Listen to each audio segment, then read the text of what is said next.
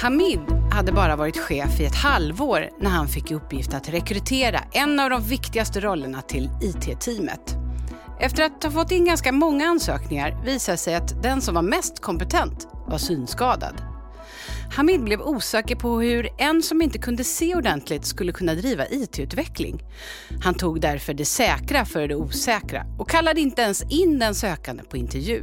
Några månader senare hörde den synskadade mannens juridiska ombud av sig med en anmälan om diskriminering och en lång och komplicerad process följde. Ja, att vara chef på en arbetsplats eller för en arbetsgrupp där alla inte känner att de får samma förutsättningar eller rättigheter, det är inte en lätt uppgift att handskas med. Och framförallt så löser det sig inte av sig självt. Att ha ansvaret för att rekrytera personal som uppfyller både mångfalds och jämställdhetskrav på en arbetsplats kan vara svårt till en början om man inte vet hur man ska göra. Men hur skapar man en arbetsplats för alla? Och hur får man olikheter i arbetsgruppen till att bli en styrka och inte en svaghet? Idag ska det handla om mångfald och inkludering i mellanchefer emellan. Jag heter Karin Adelsköld. Och välkommen! Scarlett Roa Brynildsen, du är hållbarhetschef på Svenska Spel. Du har utbildat hundratals personer i mångfald och interkulturell kommunikation. Du jobbade en tid som antidiskrimineringsjurist. Du har en master of law och där hade du ett projekt för att öka benägenheten att anställa fler personer med utländsk bakgrund. Och sen har du hållit utbildningar och föreläst i ämnet. Lade du märke till att jag eh, använde namnet Hamid i min inledning här? Ja, det gjorde jag. Jag insåg nämligen när jag satt och skrev mm. inför det här programmet att jag har bara använt svenska namn i mina inledningar, så mm. ursvenska namn. Har det någon betydelse? Alltså jag tror att betydelse har det ju. Vi har alla bekräftelsefördomar i oss, alltså confirmation bias. Vi ser det vi, vi vill se. Vi tänker på det som är där vi känner igen saker och ting. Så att du känner ju igen svenska namn. Det är ju kanske mer naturligt för dig då. Mm. Baserat på vilken uppväxt du har haft. Nu har jag fördomar om dig och, ja. och din uppväxt, men, ja. men så är det tror jag. Spelar det någon roll om man säger, för det är många som lyssnar på den här mm. podden. Och... Jag tror att det spelar väldigt stor roll, speciellt i dagens samhälle som är så blandat så att säga. Sett nu tänker jag på den etniska mångfalden, att vi har ungefär 20 procent av den svenska befolkningen som har en annan utländsk bakgrund. Och det spelar ju roll, desto mer makt man har. Man skulle kunna säga att du har ganska mycket makt i ja, samhället med tanke på att du mm. är en skicklig och välkänd kommunikatör. Ja, ja. eh, och då tänker jag att det är väldigt viktigt också att, att lyfta fram andra, andra andra personer i sammanhanget. Då. Ja, nej, det är verkligen viktigt. Och jag, jag skäms för att jag inte gjort det innan, men jag, ska ändra det nu. Mm. Men du brinner för de här frågorna. Absolut. Varför? Jag är ju själv chilenare. Jag kom hit som flykting på 80-talet. Jag var nästan åtta år då. Jag kommer från chilenska diktaturen, då, militärdiktaturen. Och, eh, vi hade väldigt svårt i Chile och min pappa sa alltid så här, men vi, vi vill ju att, att ni barn ska få det bättre än, än vad vi har. Så att när vi kom till Sverige så var det med stora drömmar om, om en annan verklighet och i en annan framtid. Och sen med tiden så inser man att eh, visserligen så finns det ju alla möjligheter och förutsättningar för att lyckas i det här landet. Men det finns ju oerhörda utmaningar om man, som jag då, har både en annan kulturell bakgrund, eh, född i ett annat land, utanför Norden också. Eh, språket är annorlunda, men också är kvinna och relativt ung. Det var väldigt, väldigt svårt att slå sig fram på den svenska arbetsmarknaden och eh, jag upplevde mig diskriminerad väldigt, väldigt många gånger. Jag har till och med tagit ärenden ärenden upp till DO eh, på grund av detta. Och jag försökte liksom verkligen kämpa mot alla de här fördomarna och var nära att ge upp. Mm. Men sen så fick jag min son och det förändrade mitt eh, syn på, på livet och på världen. Då. Hur, hur då? Du tänkte att nej, nu jäklar. Ja, nej, men jag kände så här, han är ju född här i Sverige. Mm. Vi, min man och jag är ju chilenare, så han är ju fortfarande invandrare eller person med utländsk bakgrund enligt statistiken. För det är ju hans framtid jag måste kämpa för, för att han ska känna sig inkluderad i det här landet som i hans land. Eh, så därför kände jag att det här är jätteviktiga frågor för mig att driva framåt. Och jag började ju driva dem. Som sagt så har jag jobbat som jurist en gång i tiden tiden för länge sedan. Sen så valde jag att göra ett karriärsbyte just på grund av mångfaldsfrågorna. Vad finns det att tjäna på mångfald? Ja. Dels är det en demokratisk fråga, det är en demokratifråga att alla ska ju ha möjlighet i alla fall att förverkliga sig själva. Speciellt i detta land som enligt mig är ett av världens bästa länder. Men sen så tappar vi ju väldigt mycket när vi inte har de här personerna helt inkluderade. Mm. Vi vet ju att jag har jobbat väldigt mycket med innovationsfrågor och företagarfrågor och vi vet ju att grunden i all innovation är mångfald. Mm. Mångfald i olika perspektiv, olika sätt att tänka, reagera, agera och det är jätteviktigt då. För det var ju en ganska dum kan... fråga av mig, men jag kan uppleva att man inte just pratar så mycket om fördelarna med den här äh, paletten av ja. åldrar, kön, bakgrunder, kultur, religion. Liksom, att det ja. finns något väldigt stimulerande i det. Du har jobbat med rekrytering också mycket. Vad är det vanligaste misstaget man gör skulle du säga när man rekryterar? Det handlar dels också om, om frågan innan rekrytering, själva annonseringen. Man kan mm. ju starta där. Mm. Hur annonserar vi? Nu har jag inte så all fakta eller statistik, men vi vet ju att merparten av jobben som förmedlas görs ju via informella nätverk. Alltså man kommer inte ens fram till rekryteringsprocessen om jag ska vara helt ärlig. Och det här händer ju också kvinnor eh, till chefspositioner så att säga.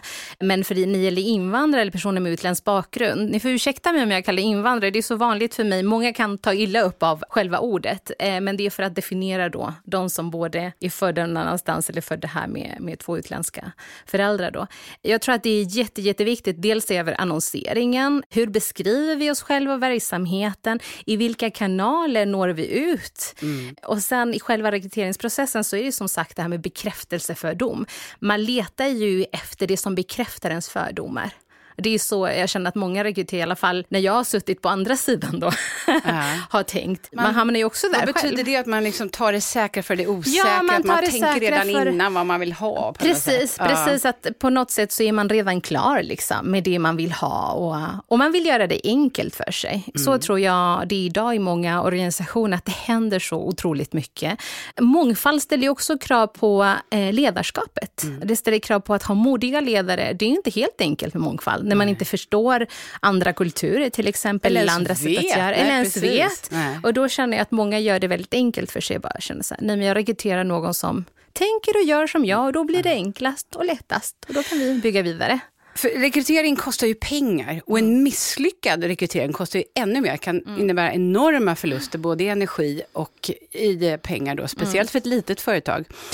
Och då kanske det inte är så konstigt att många ändå satsar på vad de tror är säkra kort. Mm. Men vad händer om man vågar tänka lite annorlunda? Nu ska vi få lyssna till en riktig solskenshistoria från Hillerstorp utanför Värnamo. Det är ju väldigt kostsamt att anställa någon och att då behöva göra om den proceduren eller om det blir konflikter och hantera det, det kan ju bli enorma kostnader och energi och ja, med stora förluster är det ju att anställa fel. I västra Småland, en bit utanför Värnamo, hittar man EH Connector, där Gun jobbar. Jag heter ju Gun Schurtenberger och jobbar som R&D manager. Företaget tar fram kontakter och elkabelsatser till motorfordon. Gun Schurtenberger är chef för konstruktionsavdelningen.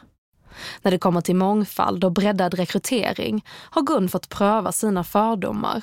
Hon minns speciellt en gång för några år sedan. Då stod vi inför ett nytt stort eh, projekt som vi skulle dra igång och eh, våra tankebanor var först att köpa den expertisen eh, externt. Men istället för att lägga ut uppdraget tipsade en anställd Gun om sin kompis Simon Fält som hade rätt utbildning med toppbetyg men som trots det inte fått några jobb. Han sökte ett par hundra jobb och han fick komma på många intervjuer men där tog det stopp. Och han fick liksom ingen feedback på varför riktigt men han kunde själv räkna ut att det troligtvis var stamningen som skrämde och avskräckte. Ja, för Simon stammar och Gun tänkte att det kanske kunde innebära vissa svårigheter. Men efter att hon träffat honom bestämde hon sig för att satsa på Simon. Hon tänkte ut lösningar för hur de skulle göra om det blev kommunikationsproblem. Och då hade vi olika förslag då att man skulle ha iPaden med och att man skulle kunna gå över och skriva på datorn om det skulle bli svårt att ha kommunikation. Eh, vilket han då i sitt stilla tänkte att det var ju lite överdrivet men, men i vår, vi, vi såg ju att det kan vara ett hinder. Simon fick börja som konstruktör och tanken var att för hans egen skull skulle han slippa ha kontakt med kunder. Men strax efter att han börjat bestämde sig en på avdelningen för att ta tjänstledigt. Och då blev det ju på automatik att han tog över kontakter och, och höll den biten. Det var inga problem. Och kundbesök och diskussioner, inga problem. Flyter på jättebra. Är, är, det, är det möjligt att träffa Simon? Mm. Ja, går det? Gun Mm. ringer Ja. ett samtal och några minuter senare kommer han. Hej! Hej! Är det Simon? Ja, det stämmer. Ja. Det är jag. Jag fick höra att, att du hade svårt att få, få jobb, att du gick på många anställningsintervjuer och så. Ja, det stämmer. Det stämmer. Det stämmer. Hur tyckte du det var sen när du fick jobb här? Ja, det funkar bra tycker jag. Ja, skönt var det. Absolut, att få jobb. Vad tänker du kring det, att, att, det, liksom, att det var svårt till en början? Ja, nu tänker jag väl inte mycket om det längre, men det, då var det var jobbigt ju då ju. Gun beskriver rekryteringen av Simon som en solskenshistoria. De reaktioner som kommit, apropå stamningen, har bara varit positiva. Fokus idag är inte på att Simon stammar, utan på hans arbetsinsats. Det bra jobb han gör. Det är synd att någon inte kan få chansen att visa vad den kan klara av för att man tror att det ska vara så svårt. Gun har ju varit här i 17 år. Tror du att du blir kvar lika länge? Ja, det är inte omöjligt. Det är inte omöjligt. Det är inte länge till nu, till 17 år. Det, det närmar sig ju med stormsteg. Hur länge har du varit här då? I fyra år. Ja. Är det en bra bit till 17? Ja, ja, inte så långt. Det går fort. Det, det tiden går fort. När man har... När man, när man har roligt, så går det fort. Både Gun Schurtenberger och Simon Fält delar med många andra erfarenheten av att få nej när de sökt jobb.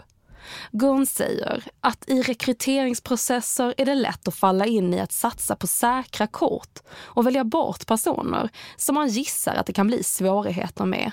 Men Gun säger att chefer måste börja ifrågasätta sina föreställningar om vad som är ett enkelt val. Man har ju inte facit i hand vid en anställning, men man går på det man tror på. Och har man fördomar eller ja, så då väljer man därefter. Det var Gun Schurtenberger på EH Connector och det var Viola Nilsson som hade träffat henne. Scarlett, vad säger du om det här? Ja, mycket igenkänning faktiskt. Ja, på vilket sätt? Ehm, Jag tänker mig själv när jag i eh, 24 års ålder då med examen eh, kom ut på arbetsmarknaden och kände mig så här, yes, det här klarar jag. Väldigt driven, ambitiös och sen så var det arbetsgivare som ifrågasatte min bakgrund eller hur väl jag pratade eller skrev svenska. Trots att jag var åtta år när jag kom till Sverige. Så att eh, det är svårt. Vi ska säga välkommen till vår nästa gäst, eh, Elisabeth Olsson, förbundsjurist på Unionen och har jobbat länge med arbetsmiljöfrågor och drivit flera diskrimineringsfall. Vad tänker du när du hör det här reportaget? Jag tänker att det är så positivt när arbetsgivare tar vara på den bästa arbetskraften och liksom ser vid sidan av någonting som är lite annorlunda. Att våga låta personen komma till intervju och få prata till punkt och lyssna och liksom låta personen visa vad den kan. Jag har själv liksom mötts av kundtjänst när någon har haft ett talfel och jag har inte upplevt det obehagligt eller jobbigt utan tvärtom. Då blir jag glad och tänker att vad roligt att de tar tillvara den här personens arbetsförmåga. Och ett stort tack till Simon också, om du lyssnar nu, som var med i det här reportaget. Alldeles för sällan man hör stamning också i poddar eller i radio. Ju. Vilket gör man blir glad för att visa vilken mångfald som finns som man faktiskt sällan hör. Men vi måste reda ut en sak först och början. Vad är egentligen diskriminering? Ja, det är ju att man särbehandlar någon på grund av någonting som har samband med någon av de sju diskrimineringsgrunder som vi har. Mm, och vilka är det? Det är kön, könsöverskridande identitet, etnisk tillhörighet, religion, funktionsnedsättning, sexuell läggning och ålder. Det här är ju en jättesvår fråga. Jag förstår att du inte kan svara på den i siffror och, och, och punkter. Men hur vanligt är det med diskrimineringsfall? Alltså hur, hur stort problem är det i Sverige idag, i arbetsmarknaden, skulle du säga? Det är ett stort problem, för att eh, annars skulle ju inte så många med annan bakgrund vara arbetslösa. Och jag vet ju också att många som har en funktionsnedsättning till exempel har väldigt svårt att få jobb. jobb. Mm. Och de, av de diskrimineringsfall jag har jobbat mycket med så har det väl framförallt varit just funktionsnedsättning, kön och etnisk bakgrund. Genomgående upplever ju många att det är svårt att få jobb. Inte kvinnor specifikt, men de andra grupperna. Men vad beror det på det? För jag menar, de flesta är ju normalbegåvade som jobbar och alla vet vi att vi behöver liksom vara fler olika, alltså att det, att det berikar att vara olika på alla möjliga olika sätt. Ändå så är det så svårt att få till det här så att det verkligen blir mångfald och jämställt både bristande kunskap tror jag, men också rädsla. Rädsla för det olika och att man inte heller har tänkt igenom i förväg. Och jag tänker det allra viktigaste till exempel i rekrytering är att man då ändå låter personen komma dit. Att man går liksom på meriter i hög grad. Mm. Eh, för jag tror väldigt lite på det här att man bara går på det där en skön snubbe. Ah, det. det. Då diskriminerar man gärna kvinnor till exempel. Mm. Ja, nej, men jag håller med dig och eh, det kan låta väldigt banalt men ibland så har jag till och med funderat på vad är det man rekryterar till? Någon som kan eh, de sociala koderna och fika på arbetsplatsen eller någon som verkligen levererar, om man går mm. på meriter nu. Ibland så har det känts så för mig personligen då, och även när jag har pratat med andra vänner i samma situation, att det är så här, ja men det är mer så här, vem kan man fika med? Och mm. liksom diskutera så vardagliga saker med. Och där, där kommer ju inkluderingsfrågan också in, för mångfald för mig, om vi pratar om etnicitet då, som vi också mäter, det är väldigt mycket antal. Men inkludering handlar ju just om att kunna känna sig att man är en del i ett sammanhang. Mm. mm. Ja, för det är ju en sak att, att, att, anställa med hänsyn till jämställdhet och mångfald. Men sen så ska ju det här förvaltas också, det vill säga arbetsmiljön måste ju bli bra, man måste vara effektiv, den ska vara hållbar på alla olika sätt och inkluderande då framförallt. Och då spelar det ju ingen roll om du till exempel har anställt en kvinna med utländsk bakgrund om hon inte får vara med i gänget. Hur ska man tänka där, Elisabeth? Men för det första så tror jag att det är jätteviktigt att alla chefer får utbildning i arbetsmiljöfrågor och inklusive diskrimineringsfrågor. Och sen tror jag att man måste jobba med liksom företagets klimat och kultur och jobba mm. aktivt med att skapa ett bra, en bra arbetsmiljö på arbetsplatsen. Och i en bra arbetsmiljö, då menar jag att man också jobbar mot diskriminering självklart, så att vi alla har liksom en bra arbetsplats. För som mellanchef kan man kanske få det i knät från ledningen som säger så här, du, vi måste bli mer jämställda här och vi måste bli, ha bättre på mångfald mångfald. Och då sitter man där och tänker, hur sjutton börjar jag och hur gör jag sen? Men det finns ju, det finns ju en OSA. så, nu vet du som lyssnar kanske inte alls vad det är, men det här slänger sig folk med i alla möjliga olika ställen har jag hört. Och det är alltså en organisatorisk och social arbetsmiljöföreskrift från Arbetsmiljöverket. Så är jag rätt nu Elisabeth? Ja, det stämmer väldigt bra det. Och eftersom det där är så extremt långt, det är därför vi använder OSA. OSA ja, och när jag sa att vi ska prata om OSA här innan, då löste upp och sa ja, det är min favoritföreskrift. Berätta, vad är det som är så bra med den här? Den är ganska hands-on. Vad ska man göra för att få en bra arbetsmiljö? Speciellt då liksom för att förebygga stress och ohälsa. Och den hjälper liksom oss alla för att få en bra arbetsmiljö. Dels att vi ska ha en bra arbetsmängd, men också till exempel att vi ska veta vad vi ska göra på en arbetsplats. Vi ska jobba med arbetsmängden. Det ska vara tydlighet och struktur. Den pratar om sådana saker väldigt tydligt och klart. Mm. Så man kan både se det som en ledning för den som är chef. Om jag läser den här och följer det, då har jag mycket bättre förutsättningar att förebygga stressrelaterad ohälsa. Och jag kan använda den när jag processar. För att åtminstone de här sakerna ska en arbetsplats generellt anpassa till personer. Till exempel om man har ADHD så är det jättebra om det är tydlighet på arbetsplatsen. Om du skulle få i uppgift att, att skapa mer mångfald på arbetsplatsen, vad skulle det innebära? Vad skulle du göra? Vad är det? Ja, alltså först måste man ju börja med definitionerna. För mig är mångfald en variation då av, av människor, egenskaper och så vidare. Det som är enklast idag att mäta det är ju den etniska mångfalden. För där har vi ju statistik från Statistiska centralbyrån, så det är så vi, vi arbetar till exempel på Svenska Spel. Vi har börjat med att först definiera vad betyder mångfald, men sen också att just när det gäller etnicitet börja mäta kulturell bakgrund och etnicitet då, och sätta mål också för detta. Mm. Och sen när man har mål, då kan man verkligen driva frågan framåt. Och då blir det lite enklare och tydligare det, det också. Vad är det vi pratar om? Ja. Och, och, vi ser ju det nu. Som koncern då har vi 34 procent med annan etnisk bakgrund. Mm. Men mm. vi driver ju verkligen på frågorna. Sen så skulle vi också vilja mäta annat, men det är ju lite svårare till exempel med sexuell läggning och, och annat. Men vi tar ju de frågorna som vi kan mäta, där mäter vi. Att ha riktiga mätetal och definitioner som alla i hela koncernen förstår är otroligt viktigt. Du har jobbat med de här frågorna länge som mm. chef. Nu ska vi testa dig lite. Varje avsnitt så har vi ett dilemma då skådespelerskan Amanda Oms får spela en anställd som kommer in och har just ett dilemma.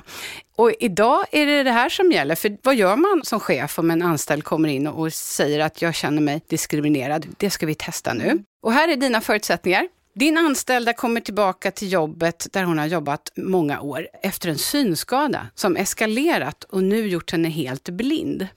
Hon känner sig allt mer utanför socialt och inte inkluderad i samtal mellan kollegor.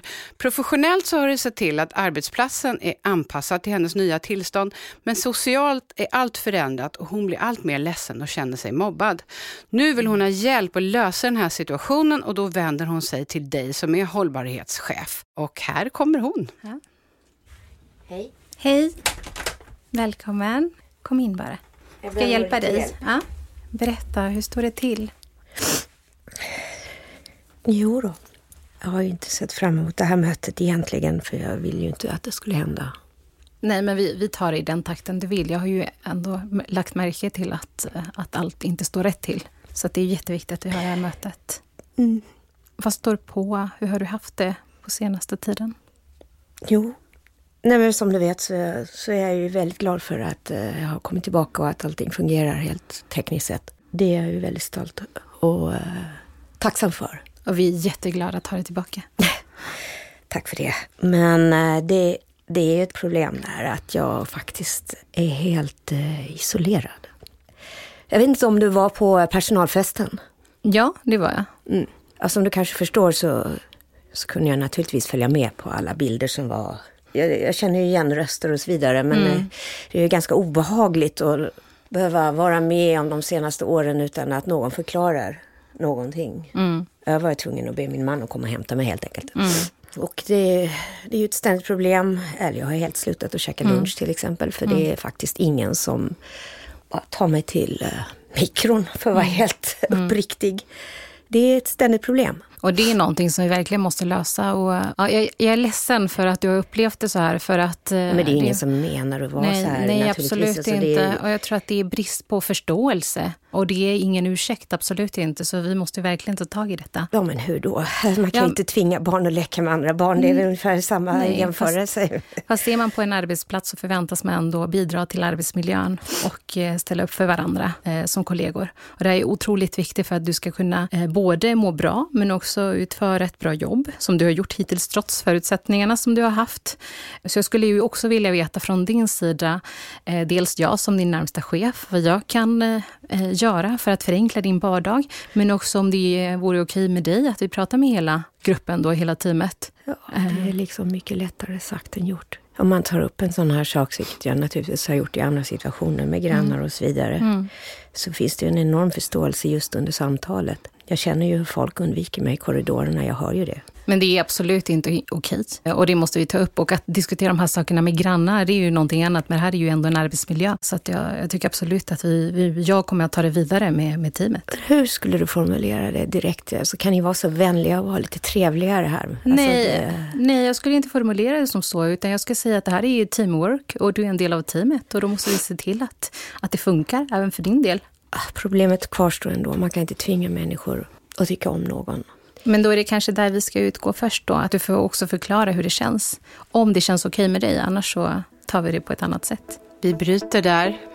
Tack snälla. Hur kändes det där? Bra jobbat! Jättejobbigt. Ja. Men eh, samtidigt så eh, det är så kontroversiellt om jag ska vara helt ärlig. För att inkluderingsfråga är faktiskt en medarbetarskapsfråga också och en ledarfråga självklart. Och att mm. alla ska trivas på sin arbetsplats är en förutsättning. Sen så behöver man ju inte vara, eh, gilla varandra eller så. Men man ska åtminstone förenkla varandras arbete och vardag. Elisabeth, hur skötte sig Scarlett tycker du? Alldeles utmärkt. Mm. Vad gjorde hon rätt? Ja, men de mötte jag Amanda och försökte, jag tänker man måste ju fråga personen hur den själv vill lösa problemet, för det finns väl inget jättebra svar. Det måste ju finnas olika sätt att lösa problemet mm. och den lösningen måste man hitta i samråd med personen, men också måste man jobba med kultur och respekt på arbetsplatsen. Ibland sägs det så lite enkelt, vi är varandras arbetsmiljö, men det ligger ju ändå mycket i det. Mm. Du sa du har varit med om värre, sa du förut, alltså svårare ska man väl säga, ja, situationer. Ja. Vad kan man få för hjälp som chef om, om man har har en anställd som faktiskt drar in till exempel facket och säger det här har hänt. För det första så ska det väl finnas stöttning inom organisationen, tänker jag. Mm. Men cheferna eller företagen är ju ofta med i en arbetsgivarorganisation. Mm. Och sen så ska man ju också kräva av sin egen chef att man får utbildning i de här frågorna. Jag tror mycket på det här att det är viktigt att vara välutbildad så att man har de verktyg som man kan behöva. Hur skulle du, ditt bästa tips för sådana här situationer, eh, för att de inte ska uppstå ens en gång? Nej, men jag tror som sagt, jag tror att det handlar väldigt mycket om att vara modig i sitt ledarskap och alla säger att man har högt i tak, men man vill ju inte heller gå och prata bakom ryggen på individerna i ett team, men att eh, se till att säkra tillit i, i teamet då, så att man, man känner av hur man mår helt enkelt. Mm. Och även att medarbetarna har tillit till att kunna komma till en. Jag är ju inte perfekt, jag är inte felfri, jag har ju också massor med fördomar. Och eh, det gäller att vara medveten om det, för är man det så kan man ju förändra. Ni säger båda det, prata, prata, prata, vara öppen. Om det går så långt som att det är trakasserier mm. som har samma med en diskrimineringsgrund, då har arbetsgivaren mm. också en utredningsskyldighet. Mm. mm. Så då finns det liksom någonting i diskrimineringslagen som, som säger att man faktiskt måste göra en grundlig utredning. För i många fall så kanske man inte ens som chef vet om att det här har hänt och blir chockad. Va? Är det, mm. är det sant? Och då gäller det att inte drabbas av panik utan just se till ja. att allt går rätt till. Mm. Jag tror också att man, får inte blunda. Du säger att många gånger har man inte koll, men jag tror att chefer har ganska bra koll. Jag tror bara att många väljer att blunda för det som också känns obehagligt, mm. tyvärr. Och dels på grund av att de saknar kunskap i hur de ska hantera frågorna. Men säg då, vi har pratat om hur viktigt det är att prata, att vara öppen, att man har ganska stort ansvar som chef. Hur skulle det kunna gå till? Alltså, för det, är ju, det är lätt att säga, men sen så ska det ju också pratas. Ja, vi har ju våra fackförbund på arbetsplatsen som alltid är ute och kommunicerar och pratar om de här sakerna. Och det låter ju så här, ja men mer utbildning, men jag tror verkligen man behöver lyfta upp det kontinuerligt hela tiden. För även jag som har den här bakgrunden som jurist då kan diskrimineringslagstiftning. Det är ju inte så att man går och liksom tänker lagstiftning eller vad, vad som krävs och så vidare. Man, I alla fall inte om man, om man inte jobbar med de här frågorna på daglig basis då. Mm. Så att man behöver hela tiden fräscha upp kunskaperna och förstå vad, vad som gäller helt enkelt. Mm. Och jag tänker kanske inte fikamötet utan att man faktiskt har det på dagordningen och kanske också har, har utbildning i, i frågorna. Jag hörde så himla fint, jag var på en sån inspirationsföreläsning där de pratade om att handens alla fingrar ser olika ut och det är därför den greppar så bra. Och jämförde just en arbetsplats, att om vi bara hade haft tummar på en arbetsplats så hade vi inte kunnat greppa alls. Men som vi har konstaterat idag, det är inte helt enkelt, men det går. Det handlar om att inte väja för det, utan ta kontroll över situationen. Nu ska jag bara få ett sista ord till alla chefer som lyssnar, som nu när de har lyssnat på det här tänker, ja, jag ska ta tag i den här frågan på min arbetsplats. Ja, nej, men se till att utbilda er, se till att ta upp frågorna, se till att diskutera dem kontinuerligt. Var inte rädd för det okända. Det funkar, det fixar sig. Och jag tänker att om man jobbar med de här frågorna så tar man tillvara allas kompetens. Och man missar inte en massa kompetens. Man blir liksom det bästa företaget. Det bästa. Stort tack för att ni kom hit idag. Jätteroligt. Och du som lyssnar har säkert egna erfarenheter eller kanske har du frågor. Då kan du ställa dem till oss. Ställ dem på vårt Instagramkonto som är mellanchefer understreck emellan eller på webben som är unionen.se snedstreck mellanchefer bindestreck emellan. Och svaren publicerar vi på samma plats så glöm inte att gå tillbaka sen och kolla. Reporter idag var Viola Nilsson, Amanda Oms spelade anställd, producent inte Blenda Zettervall Klingert, tekniker Christer Orreteg och jag heter Karin Adelsköld. Podden Mellanchefer emellan produceras av Filt Hinterland i samarbete med Unionen.